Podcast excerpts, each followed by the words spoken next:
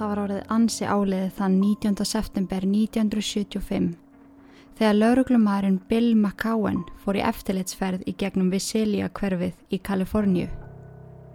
Það var svo dimt og hljótt að Bill gatt heyrt í sínum eigin andadrætti. Það fór um hann ónóta tilfinning og bjóst hann við því í hver skipti sem hann lísti með vasaljósunu sínu að ykkur myndi byrtast í ljósgeislanum. Hann gekk rólega á milli húsa. Inbrottstíðnin var búin að vera svo hásíðustu misseri. Hans verk var að ganga úr skugga um að allir íbúar hverfisins getur sofið rólega. Bill kiftist við þegar hann heyrði umgang fyrir aftan sig. Hann snýri sig við og lísti með vasaljósinu.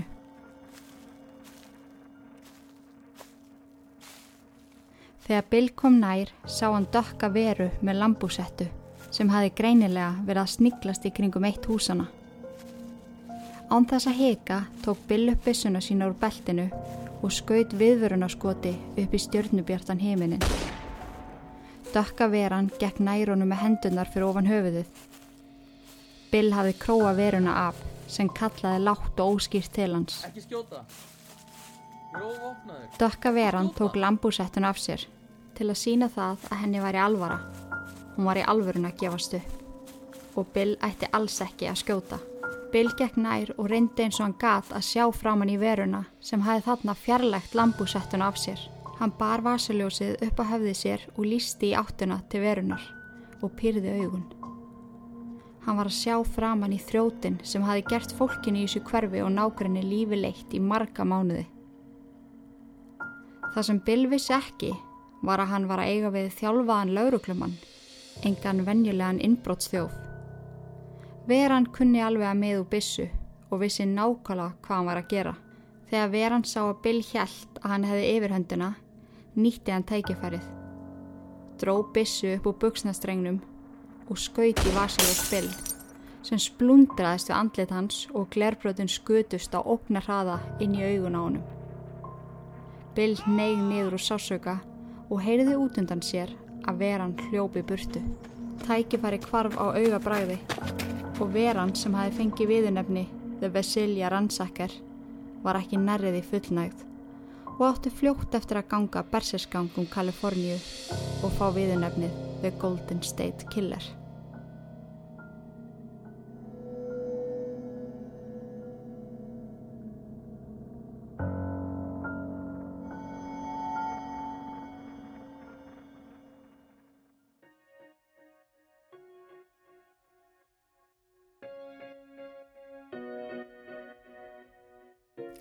Já, góðan daginn og verið hjartanlega velkomin yngar hérna með ykkur og uh, ég er í stuði. Mikið lóskup þykir mér nú skemmtilegt að við séum hér saman komin á þessum dýrða degi. Já, ég segi það á skrifa. Ég væri svo mikið til að vera þessi týpa. en ég er ótrúlega glöð að vera með ykkur inn í dag. Það er komin eðlilegur miðveikudagsþáttur. Ég er komin aftur í rútínu eftir he helgafrí. Nei eftir sömafrí, sex veikna sömafrí og ég er að segja ykkur að ég held ég hafi aldrei nýtt frí jafn vel.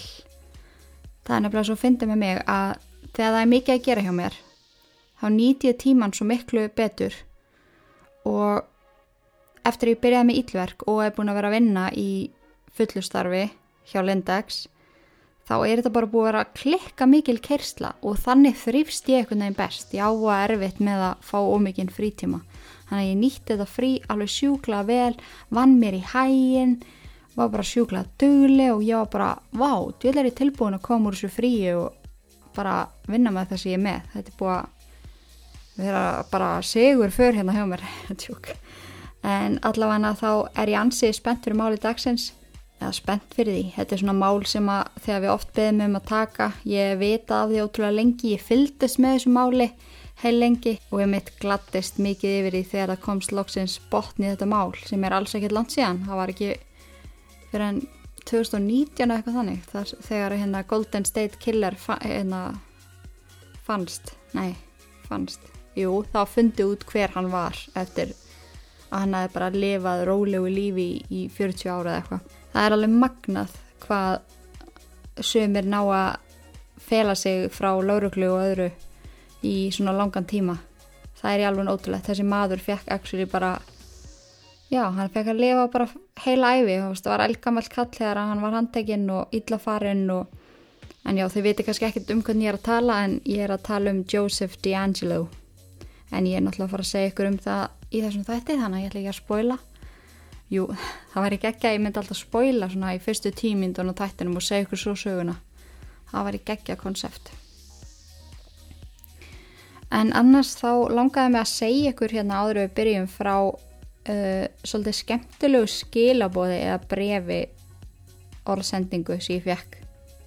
En ég fæ ótrúlega mikið af skilabóðum og þetta er í fyrsta sinn á æfinni síðan ég byrjaði að vera með Snapchat, Instagram, allt þetta dót sem ég get sagt í alvörinni. Ég fekk ótrúlega mikið af skilabóðum, hvað hefur maður oft verið að á Instagram eða eitthvað þannig og vera að segja frá okkur vöru og maður segir, já það er svo ógeðslega margir búin að spyrja mig. Það voru kannski tveir búin að spyrja mann. Þetta er bara svona taktík sem maður notar til að lúka starrið að maður er. Það, ok, ég er allavega að viðkenna það fúslega að ég nota alveg þá taktík stundum. En actually þá sendi þið mér ótrúlega mikið að skilaböfum og þetta er oft þannig að ég bara er ekki að komast yfir það af því að ég bara setti mér þá reglu þegar ég byrjaði að þegar það er verið að senda mér eitthvað svona skilabóð þá ætla ég að svara það mann þá ætla ég að svara það mann almennilega, almennilega. Þá ætla ég að svara það mann almennilega. Ekki bara eitthvað hehe, já, tengi eða eitthvað svo leiðis en þeir eru bara einmitt, mörg að senda mér fáránlega falli skilabóð sem að ég, ég er ekki að djóki ykkur ég er bara, þegar ég hugsa um það þá fer ég bara næstu að væla því að ég er svo ótrúlega þakklátt fyrir þetta, ég er svo ótrúlega já, ég bara eiginlega er að kapna úr þakklæti. Hafið prófað að kapna á einhverju mat? Nei, vantilega ekki, því þá er það ekki lífi. En allavega svona að rakkur eitthvað ofan í ykkur og þeir bara fokk ég er að fara að kapna þannig líður mér úr þakklæti. Þetta er endar alveg hræðilega viðlíking svona þegar ég spáði því að kapna úr þakklæti ég er allavega ofsalega þakklátt fyrir ykkur og það eru þið sem að íti mér áfram alla daga, það eru þið sem að minni mig á það akkur ég er að þessu og það eru þið sem að er að fá hérna ásam en ég fekk svo sett ótrúlega skemmtilegt skemmtilega orðsendingu sem við lókar að lesa fyrir ykkur og bara, oh my god, þetta stóð svo mikið upp úr en þetta hljómar svona. Sælinga, þú miklu meistari ég má til með að senda á þig nokkra línur þar sem að ég og konan erum miklir aðdæðandur þáttana Þú ferði yfirleitt upp í rúmið okkur á kvöldin, ert með okkur í baði, við matseldina og yfirleitt í bilnum í og úr vinnu. En í síðustu viku var mikil vinnutörn hjá mér í vinnunni og eiginkonan sagði að nú var ég komið vandamál. Við værum ekki búin að eigða nægilega miklum tíma saman og hún hefði verið meira með yngu Kristjáns en mér við vikuna. Ég vissum að margir tengi við þetta og þú sértinn á mörg hundruð heimilum landsmanna sem finnast þér þekkja þig. Ef þú bara vissir hvað þú væri búin að gera margar aðstæður sem eru yfirleitt leiðilegar, eins og til dæmis að riksu og bróta saman þvott, miklu skemmtilegri með sögunuðinum. Ferðin í og úr vinnun er orðin spennandi og það að vera áskrafandi og býða eftir nýjum pakka er líkt og að býða eftir jólunum og ég er ekki að tjóka. Ég varða að senda þið línu, segja þér hversu frábær karakter þú ert og hversu mikil snill þættirniðinir eru. Ég vona á haldir áfram og við sem dýrkuði og dáum fáum að sjá ennþá meira af þér. Takk fyrir þættina og allt sem þú gefur okkur með bráðskemtilegum frásögnunum þínum. Frásögnum þínum. Kær hverja guðni og eiginkona. Nei sko, veist það maður, þetta er svo súrealist. Þetta er í alverðinu súrealist. Ég mér finnst ég alveg neins ég sé að gera eitthvað rétt í lífinu. Það er bara þannig að ég prófa ótrúlega mikið að hlutum. Þið trú ekki hvað ég er búin að prófa mikið að hlutum. Og ég er búin að finna eitthvað sem ég elska sem ég finnst svo ógeðslega skemmtilegt. Að ég á ekki til orð. Ég elska researchið, ég elska að skrifa þættina, ég elska að klippa þættina ég elska að samskipti við ykkur og fá svona bref og þetta er bara eitt af svo mörgum þar sem að vá, maður getur ekki annað en verið bara ótrúlega þakkláttur og ég vona bara að þið vitið hversu ótrúlega þakklátt ég er fyrir ykkur. Uh, ég er komið smá tár, það er bara þannig. En svo er líka farið að færast í aukana að þeir séu farin að helsa mér, þú veist, ég er að hitta fólk, þú veist, ég er á djamminu eða bara ég er í vinnunni eða ég er í kringlunni eða eitthvað, bara hæ, Inga, og mér finnst það svo gaman, mér finnst það svo geggjað. Ó, ég veit ekki hvað ég á að segja við ykkur, ég er bara alveg í skíunum, það er bara svo les. En já, ég bara er að belast úr þakklæti og gleði yfir þessu öllu saman og bara þúsund, þúsund þakkir, elsku andlitsfríða fólkið mitt. Bæði, hvort þið eru andlitsfríða ekki, þá er ég þakklátt sjók. það er allir mjög andlitsfríðir. En ég held að þetta sé nóg af spjalli í byli. Hendum okkur af stað í sögu dagsins. Ég heiti Inga Kristjáns og þið eruð að hlusta á Ítlverk. Golden State Killer, gjör þið svo vel.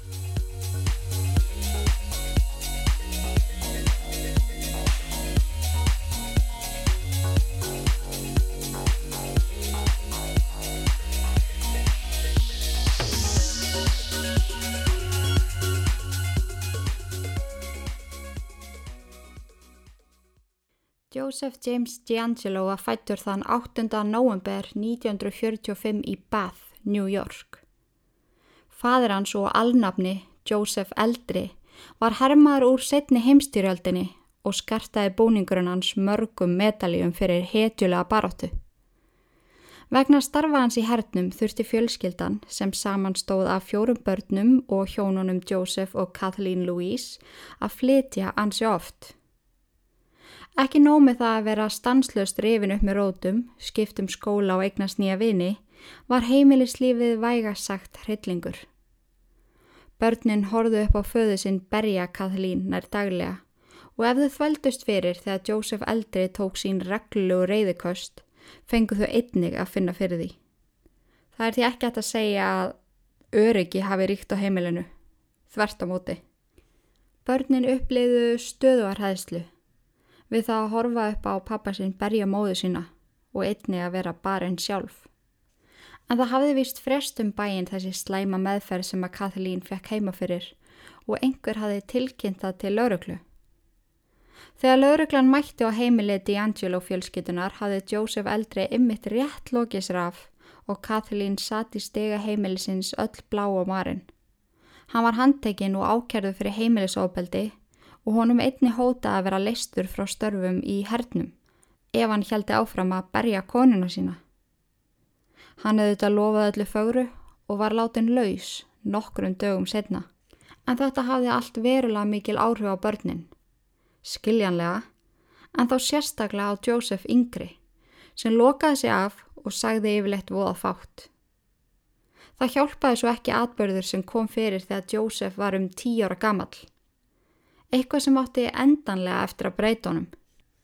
Á þessum tímapunkti var fjölskyttan staðsett í Þýskalandi þar sem Joseph eldri syndi störfum. Joseph og yngri sýstir hans, Constance, eittu miklum tíma úti að leika sér og að skoða allt sem var í kringum litla sveitabæin sem að þau bygga á. Eitt daginn þegar þau voru úti að leika komuðu auga á tóma vöruskemmu. Það var engin nálagur svo að þau ákvaða að leika sér inn í skemmunni. Fyrir þeim var þetta algjörst æfintýri. Eftir að hafa leikið sér um stund heyrðuðu tvo herrmenn koma gangandi að skílinu. Sískininn heilsuðu þeim og hugsuðu með sér að þetta hliti að vera vinir pappa þeirra. Annar maðurinn greip Konstans og tók þjættingsfast um munnin á henni og hinn gerði slíkt þið sama við Jósef. Þeir dróðu sískininn inn í vöruskemmuna og læstu hurðinu á eftir sér. Þeir skipuðu Jósef að þeia og halda sér út í einu horni skemmunar á meðan menninir skiptust á við að misnota sjóra gamlu sýstur hans. Jósef neittist til að hlusta á öskrin og gráturinn í Konstans. Hann þorði ekki að reyfa sig. Hann þorði ekki að gera neitt. Hann satt bara stjarfur í hornin á skemmunu og greti hljóði. Þegar börnin losnuðu loksins úr prísundinni, hlöpuðu heim eins rætt og fætunni tóguðu og sögðu fóröldrum sínum frá því hvað hafi gest. Það sem gerði aðstæðuna verri var að fóröldra þeirra trúðu þeim ekki. Sussuðu á þau og hótuðu þeim að ef þau myndi ykkur tíma að tala um þetta, er þeim refsað. Barnaska Jósef hefur mjög svipa minnstur og annara raðmóringja. engjant af ofbeldi og vanrækslu. Samkvæmt rannsóknum prófessor Ann Volpert sem hún framkvæmdi á yfir 36 dæmdum raðmóringum þá telur hún líklegt að það að hafa orðið vittni af nöðguninni hafi Jósef þróið með sér uh, eitthvað svona fjarlæga fantasíu um að endur gera slíkt þið sama. Eitthvað sem þróaðist yfir tíð og tíma. Hún telur einni líklegt að þegar hann óks úr grasi fóru minningarnar af slæma heimilislífinu að vera eðlilegar fyrir honum og einni eitthvað sem hann þráði að endur gera og mögulega ganga lengra en fadir hans hafi gert. Hann hafi alltaf leitað í að vera samþektur, upplifa ást og umhegju, hafa ykkur á stjórn.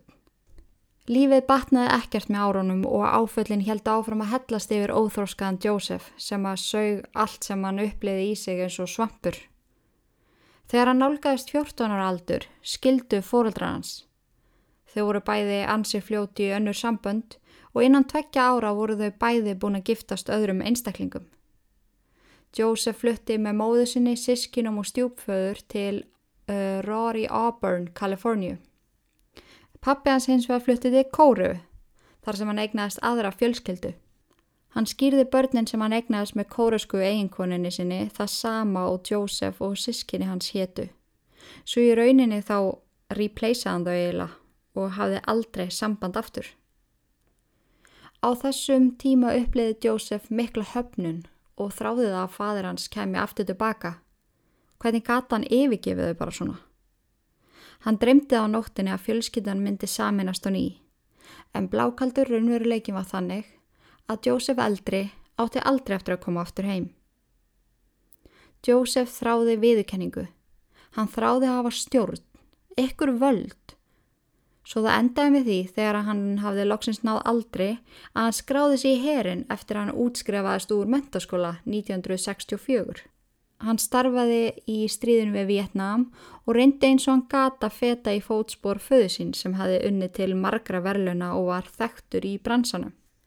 Þegar Joseph kom tilbaka á stríðinu uh, tveim árum setna skráði hann sig aftur í námi í Constate Sacramento þar sem hann læriði réttamennafræði. Í náminu kynntist Joseph verðandi eiginkonu sinni, Bonnie Jean. Strax frá fyrsta degi smulluðu saman og nokkru mánuðum eftir að þau kynntust voru þau trúlofið. Þegar kom svo að því að þau myndi gifta sig kom grein í Auburn bæjablaðinu með tilkynningu um að þetta flotta unga fólk var að fara að gifta sig. Enganir Bonnie voru með þeim hæstu í skólanum og Joseph var formaður nefndafélagsins og einni talinega ansi bjarta framtíð í þessum starfsframa. Öllum fannst þau fullkomin saman.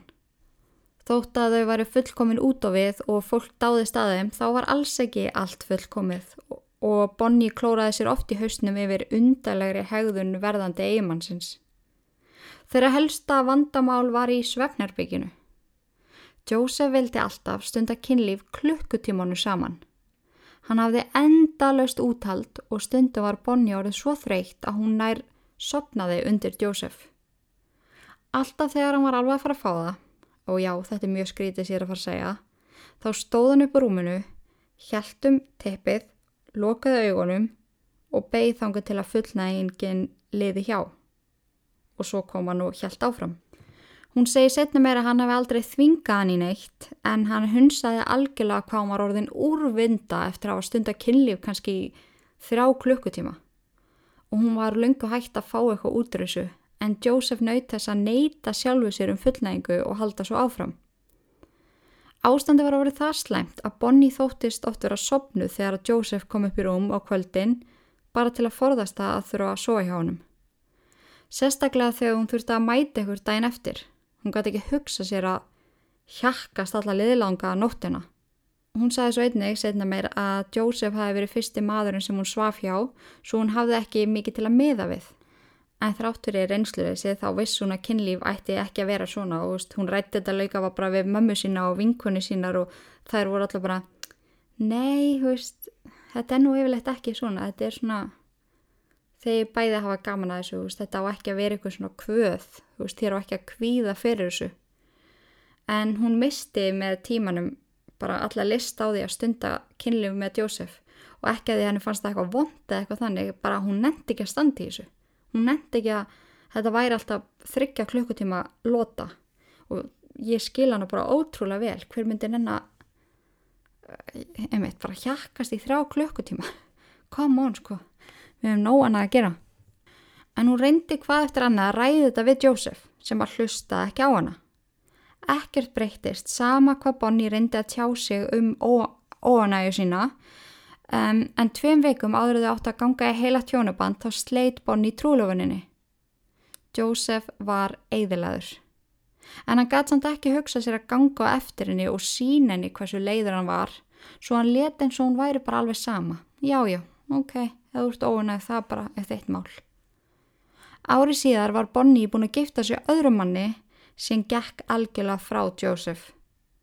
Hann þróaði með sér mikinn hatur í gar Bonnie og fann það í hjarta sínu að hann geti aldrei fyrirgefið henni þetta. Það að hún hafi yfirgefið hann reyf plásturinn að gömlum sárum sem að Joseph hafði hlotið í æsku. Enn og aftur var ekkur sem hann elskaði búin að yfirgefa hann. Enn og aftur var hann ekki tekið eins og hann var.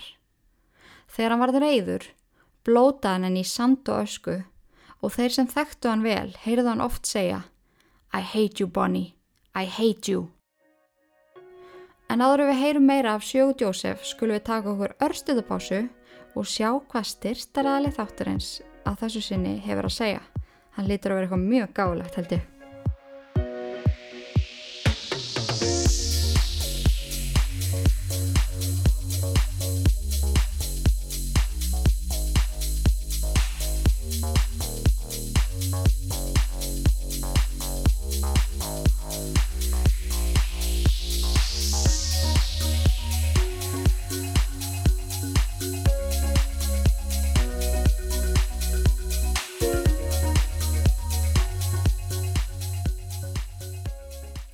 Persónulega þykir mér fátt skemmtilegra en að eignast ný æfingaföld.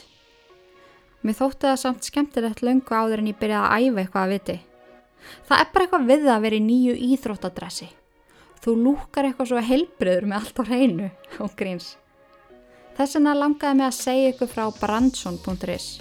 Það getur bókstala allt verið í steiki lífinuðinu en þú getur samt lúkað eins og soli tíja sprangandi um gödunar í glænýjum æfingafötum frá Brandsson. Svona í alverinu. I've been there. Slá dramatíst. En öllu gríni sleftu þá er ég svo innilega sjúkið þessi æfingaföt. Ég hef unni með Brandsson í bráðum þrjú ár og þetta var svona eitt af þeim fyrirtækjum sem að uppgötuðu mig einan gesilappa þeim fannst flott sem ég var að gera og byggði mig samstarf. Síðan þá höfum við unnið ótrúlega vel saman og ég verð hrifnari af merkinu og hvað hönnurinn er að gera með hverjum deginum sem líður. Brandsson er íslenskt uh, vörumerki, hanna frá grunni af miklu meistara sem hefur ástriðu fyrir fallegum efnum og sniðum. Mín allra uppáhaldsvara frá Brandsson eru auður buksunar. Góðan daginn og góða nótt hvað ég væri til að eiga tíu stykki af þannig svartar plein upphávar úr geggju efni sem heldur vel að og er ekki á neittnátt gegnsætt. En svo langaði mig líka að segja ykkur frá afræksklubnum. Það eru örglega ekki, ekki margi sem vita honum en þetta er fokkin snild. En þið getur skráð ykkur í afræksklubin hjá Brandsson og í honum sapniði bústum sem eru svona steg í rauninni. Með því að skrá ykkur fáiði 15.000 búst, með því að deila á Facebook fáiði 10.000 búst og svo sapniði bústum þegar þið vestlið. Þegar ákveðin uppæð af bústum er komið getið vestlað fyrir innegnina. Algjör snilt, þetta kemur út eins og svona í rauninni innegnakóði. En já, eins og ég segi, algjör snilt fyrir íþróttálfa sem elska að vestla og líka fyrir þá sem að elska bara að vera í góðum æfingafötum. Þið getur svo nota kóðan Brandsson 4 fyrir 20% afslátt. Skellið ykkur inn á brandsson.is og gerir vel við ykkur kæru mannsbörn. Og slókanið fyrir Brandsson auðlýsinguna þessu sinni er Beautiful Babe með Brandsson. Nei, þetta var ræðilegt. Hann rukka mig ekki fyrir þessu auðlýsingu, ég tek því. Brandsson.is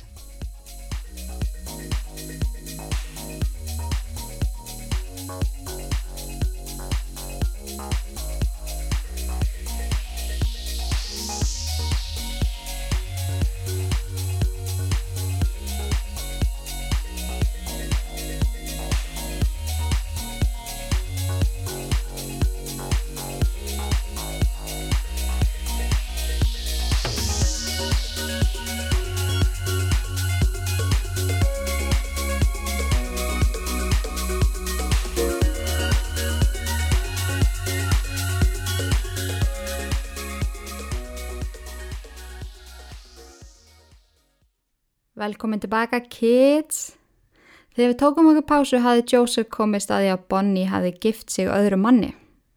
Hann var ekki par sáttu við það, en þegar hann einmitt fretti af því að hún hefði gift sig, reyndi hann eins og hann gata að finna sér aðra konu. Hann ætlaði sko ekki að vera minni maður. Hann ætlaði ekki að verða einn eftir innleipur. Hann kynntist lögfræðinemanum Sharon Huddle sem var þarna aðeins tvítug en hann var 26 ára. Nokkru mánuðum eftir að þau hittust fyrst þá giftuðu sig. Sharon flutti úr fóreldrahúsum inn í litlu íbúðunans Joseph í janúar 1974 og stuttu eftir það fekk Joseph vinnu sem laurugluþjóðn á lauruglustöðinni í bænum.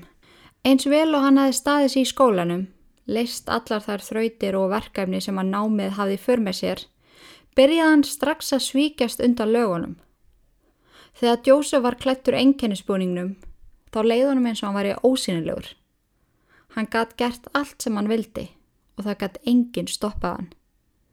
Hans fyrsta afbrót sem vita var af var í mars 1974 en hann laumæst í kringum hús í skjóli nætur, bröstinn og stál verðmætum. Á þeim tíma var auðvitað ekki vitað að það væri lauruglu þjóttn að fremja öll þessi innbrott. Enda var Jósef helviti, enda var Jósef, Jósef, ekki Jósef, ef við kannski kalla hann Jósef bara í þættinum. En hann var allavega mjög klókur og passaði sig að arensera öllu þannig að hann yrði með þeim fyrstu á staðin að kanna vettvangin. Þannig að spáði því. Hann braustundum inn, flúði svo í burtu og kom svo sjálfur á samt vinnufélögum sínum að kanna hvað það komið fyrir. Og þannig grunaði engum að hann hefði verið að verki. Það voru nokkri sem að sáu til hans, laumast með fram húsunum í Vaselja hverfinu. Þegar lauruglu var gert viðvart var Jósef alltaf horfin og brott. En það var þarna sem hann fekk sitt fyrsta glæpa viðunöfni, The Vaselja Ransacker. Það sem engendi hann sem innbrottsjóð var að hann rústaði húsunum algjörlega. Hann fór í gegnum alla skúfur, reytti upp úr þeim og eitti augljóslega miklum tímum í nærfattaskúfu kvennmannana sem byggu á heimilinu. Hann stala ekki endilega sjóarpum eða einhverjum þannig verðmætum, heldum fórum frekar í skarkrifarskrín og stál erðagripum, barnaskóm og hluta sem hann vissi að fólk myndi sakna. Hann var orðin svo lungin innbrastjóður að stundum náðan að brjótast inn í fleiri en tíu hús á einun degi. Þetta var orðið svo mikið vandamál í bænum að það voru settra stað varuðaraðstafanir. Engi mátti vera lengur úti en til klukkan tíu, allir þurfti að fá sér tvöfaldan lás og hafa það á öllum útidyrum, engin gluggi mátti vera opinn en það voru samt ekki allir sem passuði nóg vel upp á þetta og Joseph var mjög fljótur að sjá það út hver að væri ekki að fylgja þessum fyrirmælum og kannski let ekki bæta við tvöföldum lása hurðinu sína og var bara kannski með einfaldan þá fannst honum minnstamál að bróta sér leið þangað inn. Eftir að það hefði verið tilkent yfir 120 inbrót fór Joseph að finnast þetta leiðilagt. Inbrótin gá honum ekki lengur þetta sjúka adrenalín röss sem hann hafði upplifað fyrst. Hún er þyrsti í meira. Hann braustin á heimili Snellingfjölskytunar sent um kvöldið í september 1975. Í fyrsta skipti með eitthvað meira í huga en að ræna fólkið. Claude Selling sem var 60 bladamæður vaknaði við brölt á neðri hæð húsins. Joseph hafi brotist inn á heimilið og var að reyna að draga 16 ára gamla dóttur Claude út úr húsinu þegar hann loksis vaknar við lætin. Klot leipur í áttalátunum og grýpur Jósef glóðvolgan með dóttur hans í fanginu. Jósef panikar og líður líklega eins og aðstæðnar sé að renna og greipum hans. Hann var vanur því að hafa allt undir sinni stjórn, en í paniki tekur hann upp bissu og skýtur Klot sem hriðinu niður. Jósef missir áhugan á þessu missjóni, finnst þetta of áhættu samt eða eitthvað svo les og grítir 16 ára gamlu stelpunu í jörðina, sparkar í andlita á hanni og hleypur í burtu frá vettvangi. Nokkrum mínundum setna kemur lögreglan á staðin. Klót var úrskurðað látin en 16 ára gamla dóttir hans Beth komst undan með lítilsháttar meðsli. Eftir þetta atveik voru settur upp leynilegar aðgerðir í hverfinu. Það var vaktað allan sólarhingin og settar upp öryggismyndavilar. Svo ef að glæpamæðurinn ætlaði aftur á kreik myndi hann ekki komast langt undan.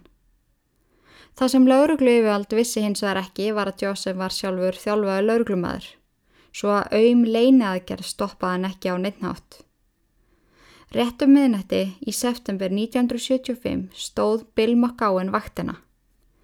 Hann tók eftir grímuklættu manni laumast á milli húsa og var hann vissum að þetta væri hinn allræmdi Vaselia rannsakar. Joseph vissi alveg hvernig best var að haga sér í þessum aðstæðum. Hann vissi hvernig hann ætti að láta lauruglumannin slaka á og láta hann halda að hann var að gefast upp. Hann gekk í áttin á hannum með hendur fyrir ofan höfuð og kallaði til hans. Ég gefst upp, ekki skjóta. Og tók af sér lambúsettun í kjölfarið. Engin hafði sé hvernig þessi Vaselia rannsakar leit út. Svo forvetnin tók stjórnina hjá Bill. Hann gekk nær og lísti vaseljósinu sínu í átt á manninum. Hann varð að sjá hvernig hann leit út.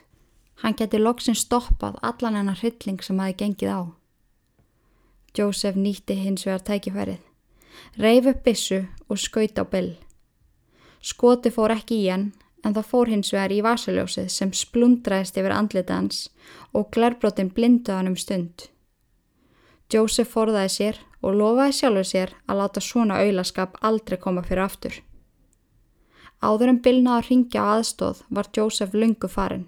Þetta kvöld endaði ferill The Vaselia rannsakar en hlutinir áttu bara eftir að versna.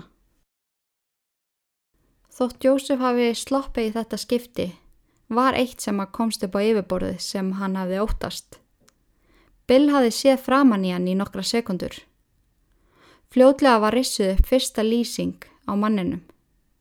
Hávaksinn, sterklega byggður, líklegast örfendur, ljós yfirlitum með þygt skólhært ár. Talinn á aldurspilinu 25-30 ára. Jósef ótaðist að vinnufélagar hans myndu þakka hann frá skissunni svo hann ákvað að það besta í stöðinni væri að flytja. Hann sótti um á lauruglustöðin í Auburn og í byrjun 1976 fekk hann stöðu þar. Nýju vinnufélagarnir lýsa honum sem ótrúlega venjulegum gaur. Spreng lærðum reynslubolta sem var mjög góður í sínu starfi. Þeir takaði samt fram að það var aldrei hægt að fýblast í honum. Þegar þeir slóa að leta strengi eftir erfiðanda í vinnunni hafði Jósef null áhuga á því. Hann brosti aldrei, hló aldrei og saði aldrei gamansögur eða brandara. Hann var einn alvarlegu náangi sem hafði ekki áhuga neinu nema sinna vinnunni. Þeir gáttu auðvitað ekki ímynda sér hvað fór fram bak við lukta dyr og hvað hryllingur beigðara. Bráðlega átti nýr glæpamaður eftir að ganga lausum svæðið sem fjekk fljótlega viðunefnið The East Area Rapist. Klukkan fjögur aðfaranótt 18. júni 1976 laumæðist Jósef í gegnum Ranko Cordova sem er lítið útkverfi í Sacramento. Í þetta skipti hann sér ekki að ræna íbúa. Plönans voru mun dimmari og ógeðfældari en nokkru sinu fyrr. Hann hafi setið um konuna sem bjóðatna í nokkra vikur áður en hann leti skara skrýða. Hún vann hjá símafyrirtæki í bænum og hafi tekið eftir dökkum fólksbíl sem kerði óvennilega oft fram hjá bæði vinnustæðanum hennar og heimilunennar. Þegar hún kom heim á kveldin fekk hún skringileg símtöl þar sem var annarkvort anda þungum andadrætti síman eða sagt með djúbri rött I will kill you. Hún let lauruglu vita að bæði dokka bílnum og símtölunum sem saði hann hafa sambandi ef eitthvað, kæmi, ef eitthvað fleira kemi upp á. Þessa örlaða ríku nótt laumaðist Jósef í gegnum bakarða hverfisins í áttina húsi konunar sem var í fasta svefni. Hann fór inn um svalahörðina sem hann spenti upp með kúpinni. Þegar hann var komin inn, klifti hann á alla símasnúrur og gekk svo hægt og rólega upp stegan og síðan inn í svefnherbyggju konunar. Hann bankaði létt á hörðina sem var halvu opinn og kvíslaði nafn konunar. Þegar hún rumskaði stóði yfir henni nakin maður í hönskum með lambúsettu. Hann stökk klófiða yfir hana og hjælt á nýfu upp við hálsin á henni. Hann hótaði hann að drepa hana ef hún hreyfði sig. Hún lofaði honum að gefa ekki frá sér neyn hljóð, nýja hreyfa sig og Joseph hófst handa við að binda hendur hennar. Hann stóð svo yfir henni smá stund og rungaði sér áður en hann lagðist hjá henni í rúmið og nöðgaði henni, stanslöst í þrjá klukkutíma. Þegar hann hafi lokið sér af, batt hann fætur hennar saman og let sér hverfa. Konan lág í rúminu þakklátt fyrir að hafa ekki verið dreppin en svo döðrættum að hann væri enþá inn í húsinu. Hún beigð gravkeri í rúminu í svo liðin tíma, starði út í loftið og greti hljóði yfir hryllingnum sem hafi komið fyrir. Hún fann svo allt henni eitthvað afl koma yfir sig. Hún varð að ringja á laurugluna. Hún varð að fá hjálp. Hún náði með naumyndum að koma sér niður stegan og að símanum, en það hafi verið klift á snúruna. Hún vissi af símaðin í bílskur sem hún stölaði stað. Joseph hafði ekki fattað að klippa á snúrun af honum og náði hún að ringja í laurugluna sem kom nokkrum mínutum síðar. Joseph var hins vegar lungu farin í burtu. Sáttu með verkið sem hafi líka hefnast svona rækilega vel. Eftir þetta fór á stað hreina af svipuðum atbörðum.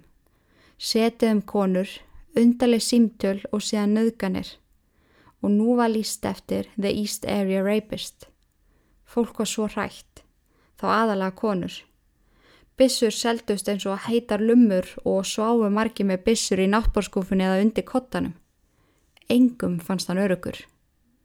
Það var svo mikið að gera hjá lásasmiðum að mörg slík fyrirtæki risu á þessum tíma. Eftirspurni var svo mikil eftir nýjum og betri lásum. Þráttur í þetta hjælt Jósef áfram og let ekkert stoppa sig. Hann fann út hvar einhleipar konur byggu og braut sér leið inn til þeirra. Hans vegna var í lægi ef að þær voru með börn því þá einfallega byrja að náði að binda börnin við rúmin sín og ráðast svo á móðura. Árósinn stóðstundum yfir í marga klukkutíma. Þegar hann tók sér pásu frá nöðguninni, gekk hann um herbyggið, hjælt um lemin og öskreði I hate you Bonnie, I hate you og hjælt svo áfram. Burt sér frá því hvað þetta er hræðileg upplifin þá hefur þetta verið mjög skrítið að horfa á mannin gera þetta. En það er greinilegt að þessi gríðalegi hatur sem hann barði hvenna kom í kjölfar skilnaðar hans við Bonnie. Sum fórnalamban sáðu einni frá því setna meira að hann hafi grátið með ekka eftir hann hafi nöðgæðim. Þá sat hann á rúmstoknum og saði Sorry mommy, I don't want to do this mommy og há greið eins og einhvers konar barsli reyði kemur fram þegar hann hafi framið svona verknað. Svona eins og hann skammaði sín fyrir að hafa ekki venda sýstu sína þegar hann var barn og einhvern veginn öll skömmin sem fylgdi honum í gegnum barneskuna. Var eins og hún kæmi öll fram þarna. Verk þegar Ísterja reypist gengu á næstu þrjú árin og eins og með alla fíkla þá leitaði alltaf eitthvað meira. Þetta hætti að vera einn nógu spennandi. Hann hafði einhvern veginn komist upp með þetta hvað eftir annað, hann þekkti hverfin eins og lóan á sér og þessi spenna sem hann hafi fundið fyrir fyrst var horfin. Hann ákvað að prófa að færa sig um sett, aðeins austar við Sacramento í öðru útkverfi. Kanski myndu ókunnir staðhættir koma spennunni aftur á stað. Eftir nokkus konar kvildatíma fóru glæpir hans aftur á stað áriði 1977. Hann hafi fært sig um sett og núna reðast hann ekki barinn á heimili einstæðra kvenna eða kvenna með börn. Hann byrjaði að ráðast inn á heimili para. Í mæ 1977 tók hann eftir afgrænslistúlku á veitingarstað sem hann leist mjög vel á. Hann eld hana heim og byrjaði að ringja í hana stanslust. Þegar hún svaraði, skellt hann svo á og svona fann hann út hvenar fórnalömpin væri, væri heima og hvenar ekki. Hann gerði líka eitt sem hann hafi aldrei gert áður. En hann fór upp á húsi afgræslistúlkunar um miðjan dag og bankaði. Þetta var mjög riski skref hjá honum en hann ákvaði að gera þetta og sagðist vera frá gælutýra eftirlitinu og væri að kanna mál flækingskatta. Hvort hann mætti aðtóa hvort þær hefði nokkuð gert sér aðsetur í bílskutum hennar. Með þessu vildi hann sjá húsið að innan. Hvar væri best að brjóta stennu og undibúa sig fyrir kvöldið. Hann ætlaði að nauðga þessari konu og hann var búin að ákveða það. Þegar hann fór að skoða lása og líta upp í öll hornu húsinu fór ónota tilfinningum konuna sem spurði hann hvort hann væri ekki að verða búin að þessu. Eftir hann fór, gekk hún yfir til nákvæmans og spurði hvort að maður frá gælutýra eftirlitinu hefði nokkuð bankað þar. Nákvæminn saðist hafa tekið eftir honum og saði einnig að hann hefði bara bankað í henni sem koninni fannst virkilega óþægilegt og undalegt. Með nút í maganum ákváðan að ringja á laurugluna og segja frá þessum undala manni sem hefði bankað hjá sér. Eftir frekari fyrirgrenslan kom í ljós að enginn frá dýraeftilitinu hafði erindi í hverfið þennan dag sem hrætti auðmíkja konuna enþá meira. Þessa nótt þorði hún ekki að fara að sofa. Hún lá andvaka í rúminu og starði út í loftið og rökku upp um minnsta hljóð. alveg vissum að ekkur var í komin inn til hennar. Hún náði loksins að sopna eftir hún hjúraði þessu upp við eigimann sinn sem lág í fasta svefni, en hann hafði ekki miklar ágjur á þessu. Konan hrökk svo aftur upp við hljóð sem henni fannst koma frá ruslatunninni fyrir utan húsið. Hún ítti við eigimanni sínum sem snýri sér á hliðina og saði henni að þetta væri líklegast villikettir að finna sér eitthvað að geta. Hún reyndi að halda rósinni. Hún var svo hrætt að hún heyrði hjarta berjast um í brjóstinu. Hún styrnaði upp þegar hún sá nakin mann koma gangandi inn um svefnherbyggi styrnar. Klettan einungis lambúsettu og hönskum. Hún kom ekki pljóði og þorði ekki að reyfa sig. Hann hallaði sér upp að henni. Ef þú reyfir þig eða segir eitthvað, þá drepi þig. Hún kinkaði kolli og horði stjörf beint í augu þegar Ísteri að reypist. Hann dróð tvær skóreimar úr hanskanu sínum og setti á rúmið og skipaði koninni að binda hendur og fætur eigimannsins. Hún batt nútana laust. Ég vonum að hann geti losa sig auðveldlega. Jósef tók eftir því og öskra á hann að binda fastar. Hann reif svo konuna út úr rúminu og batt hendur hennar fastar fyrir aftan bak og síðan fætur. Með parið bundi fast í rúminu, gekk Jósef um herbyggið og reif upp úr skúfum og skápum líklegast í leita eitthvað skora minnjagreip, svo hann geti alltaf muna eftir þessu kvöldi. Eftir að hafa sveipast um í smá stund, gekk hann aftur á rúminu. Skar fætu konunar lausa, reif hann á fætur og ótaði bissun í baki á henni og skipaði hann að ganga með honum og líta aldrei um auksl. Ef hún reyndi eitthvað, myndi hann skjótaðu bæði. Hann gekk með konuna inn í borstofu þar sem að hann reyndi henni í golfið og batt fyrir augun á henni með viskast ekki. Hún heyrði hann opna eldúrskápana og taka út diska. Hann fór með diskan enn í herbyggi og lagði það ofan á mannin sem lág ennþá bundin í rúminu. Svona hafði hann völdin og myndi heyra ef maðurinn reynda að hreyfa sig því þá myndu diskarnir rinja í gólfið. Hann fór svo aftur inn í borstofu til konunar. Hann kraup niður til hennar og nöðgaði henni stanslust í einn og halvan tíma. Þegar hann hafi lokið sér af, náði hann í fleiri diska og setti á hann á konuna og þannig gæti hann flúið, vitandi það að þau færu ekki beinti að fá hjálp. Þegar hann var í þann mynd að yfirgefa heimilið, tók hann eftir ringunum á fingrum konunar. Hann reyði af henni og let sig hverfa. Parið lág, gravkjurst með leirtögið ofan á sér, þánga til að þeim fannst örugt að ringja á laurugluna. Ringarnir voru verðlunagripir fyrir Jósef. Í hvert skipti sem hann leita á þá gæti hann endur upplifa þetta augnablík og það hlakkaði í honum. Eftir árásuna inn á heimilu ungu afgræslustúlkunar og eigimannsins hennar hjælt Jósef áfram að brótast inn á heimili, nuðga og ræna persónlegu munum. En þann annan februar 1978 þegar Jósef laumaðist um Korskóa hverfið var hann trublaður. Ungt par í gönguferð með hundi sinn gekk fram hjá honum og sáuðu hann án lambusettunar. Brian og Kathy áttuðu sér fljótt á því hver þetta væri. Hann passaði við lýsinguna sem að hafi komið fram í blöðunum. Lógandi hrætt hlöpuðu í burtu. Jósef gæti ekki hugsa sér að ferillans endaði svona, svo hann ákvaði að elda þau. Þegar þau voru komin í bakgarðin á húsinu sínu, urðuðu bæði fyrir skoti. Jósef var þarna að losa sig við þau. Vittnin sem getur flett hulina að því hver hann var í raun og veru. Á þessu eina ári sem Joseph fór um Sacramento sem Ísterja reypist nöðgaðan 27 konum, myrti þrjá einstaklinga og braustinn í mörg hundruð hús. Frettinnar á þessum tíma fjölluðu bara um þetta. Allir voru svo döðrættir og margir þess að fluttu frá Sacramento. Laurugla og frettaflutningafólk reyndi að upplýsa fólk, leifa almenning að fylgjast með hverju einasta skrefi sem var tekið í rannsókninni, en þeir voru vissir um að Joseph fyldist með fréttum og vissi nákvæmlega hvað var í gangi. Hann var líklegast ánæður með umfjöllinina sem hann fjekk. Það sem staðfesti þá pælingu var atbörður sem átti sér stað eftir bladamannafund. Það sem rannsóknarteimið kom fram og svaraði spurningum. Einn mannana í teiminu tjáði reyði sína í garð lauruglumanna sem höfðu fengið útköll frá fórnalömpum áður en innbrotið átti sér stað og hefðu ekki tekið nægilega mikið mark á því. Hann gerði lítið úr ansókninni og skildi ekki af hverju þessi maður var ekki ennþá fundin. Í lokin bætti hann við að hann skildi ekki aumingjaskapin í eigimennunum sem streytast ekki um móti og í raun leifa þessum nöðgara komast í eiginkoninu þeirra. Þessi komment frá þessum manni fór á milli tannana á mjög mörgum og það voru mjög margir alveg ótrúlega reyður út í hann og þó aðalega Joseph sem að braust inn til hans sama kvöld og nöðgaði eiginkonu hans og notaðist við diskataktikina líkt og hann hefði gert áður. Kallin gæti ekki sagt mikið núna, hvað þá streyst á móti og vendaði eiginkonu sína. En þetta gerði Joseph bara til að sína hann um hver réði. Það voru einni ákveðni dagar sem var trygguðu greinilega eitthvað í Joseph. Hann til dæmis framdi alltaf hróttalegan glæp á þeim dögun sem að hefðu verið brúðkaups ammali hans og Bonnie. En það var einhvern veginn allt hjá hann að fara úr böndunum á þessum tímabúndi.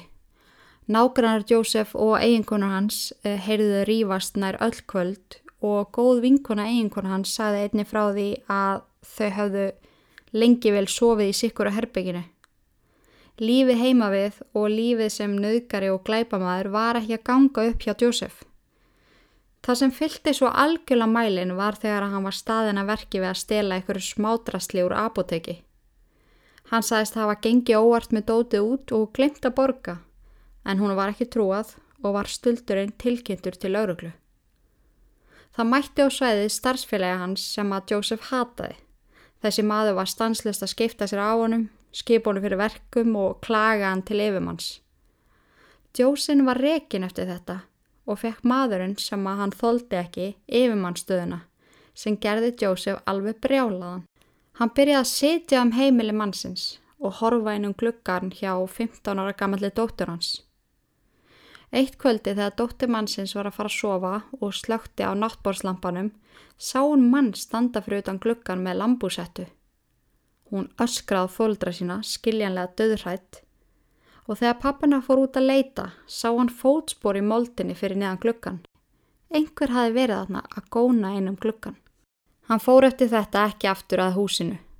Hann hefur gert sig grein fyrir áhættinu sem hann var að taka með því að ráðast inn á heimili lauruglumans með ára langar einslu.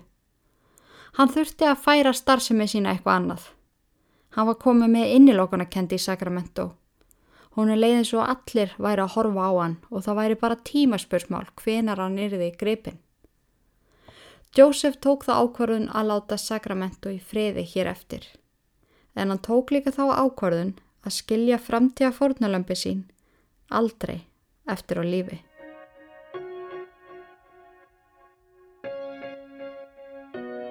Við látum staðan um í hér og í næsta þætti förum við yfir ógeðfeldan feril Joseph sem Golden State Killer. En þessi maður fekk mörg viðunefni á sínum glæpaferli og það var ekki fyrir 2019 sem var komst upp að, að þetta væri allt sami maðurinn. En við skulum fara betur yfir það í næsta þætti. En áður ef við hættum vil ég hvetja ykkur til að kíkja hennu ítlark.is og skrá okkur í áskrift. Það kostar 990 krónur á mánuði og þannig fáið þið aðgang að 5 auka fáttum í mánuði samsagt nýju hildina sem er svakalegt. Þeir sem skráðu ykkur uh, fáið núna 10 nýja er bara bem inn á reikningin ykkar, ekki amalegt það. En þángat til næst börni mín, takk fyrir að hlusta, takk fyrir að vera til og í guðanabænum forðist öll ílverk nema þetta podcast. Veriði sæl.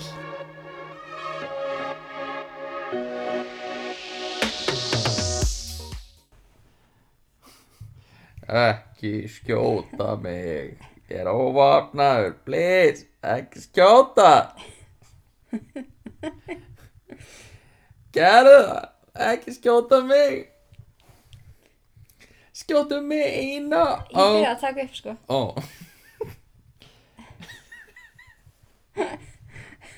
Smá bloopers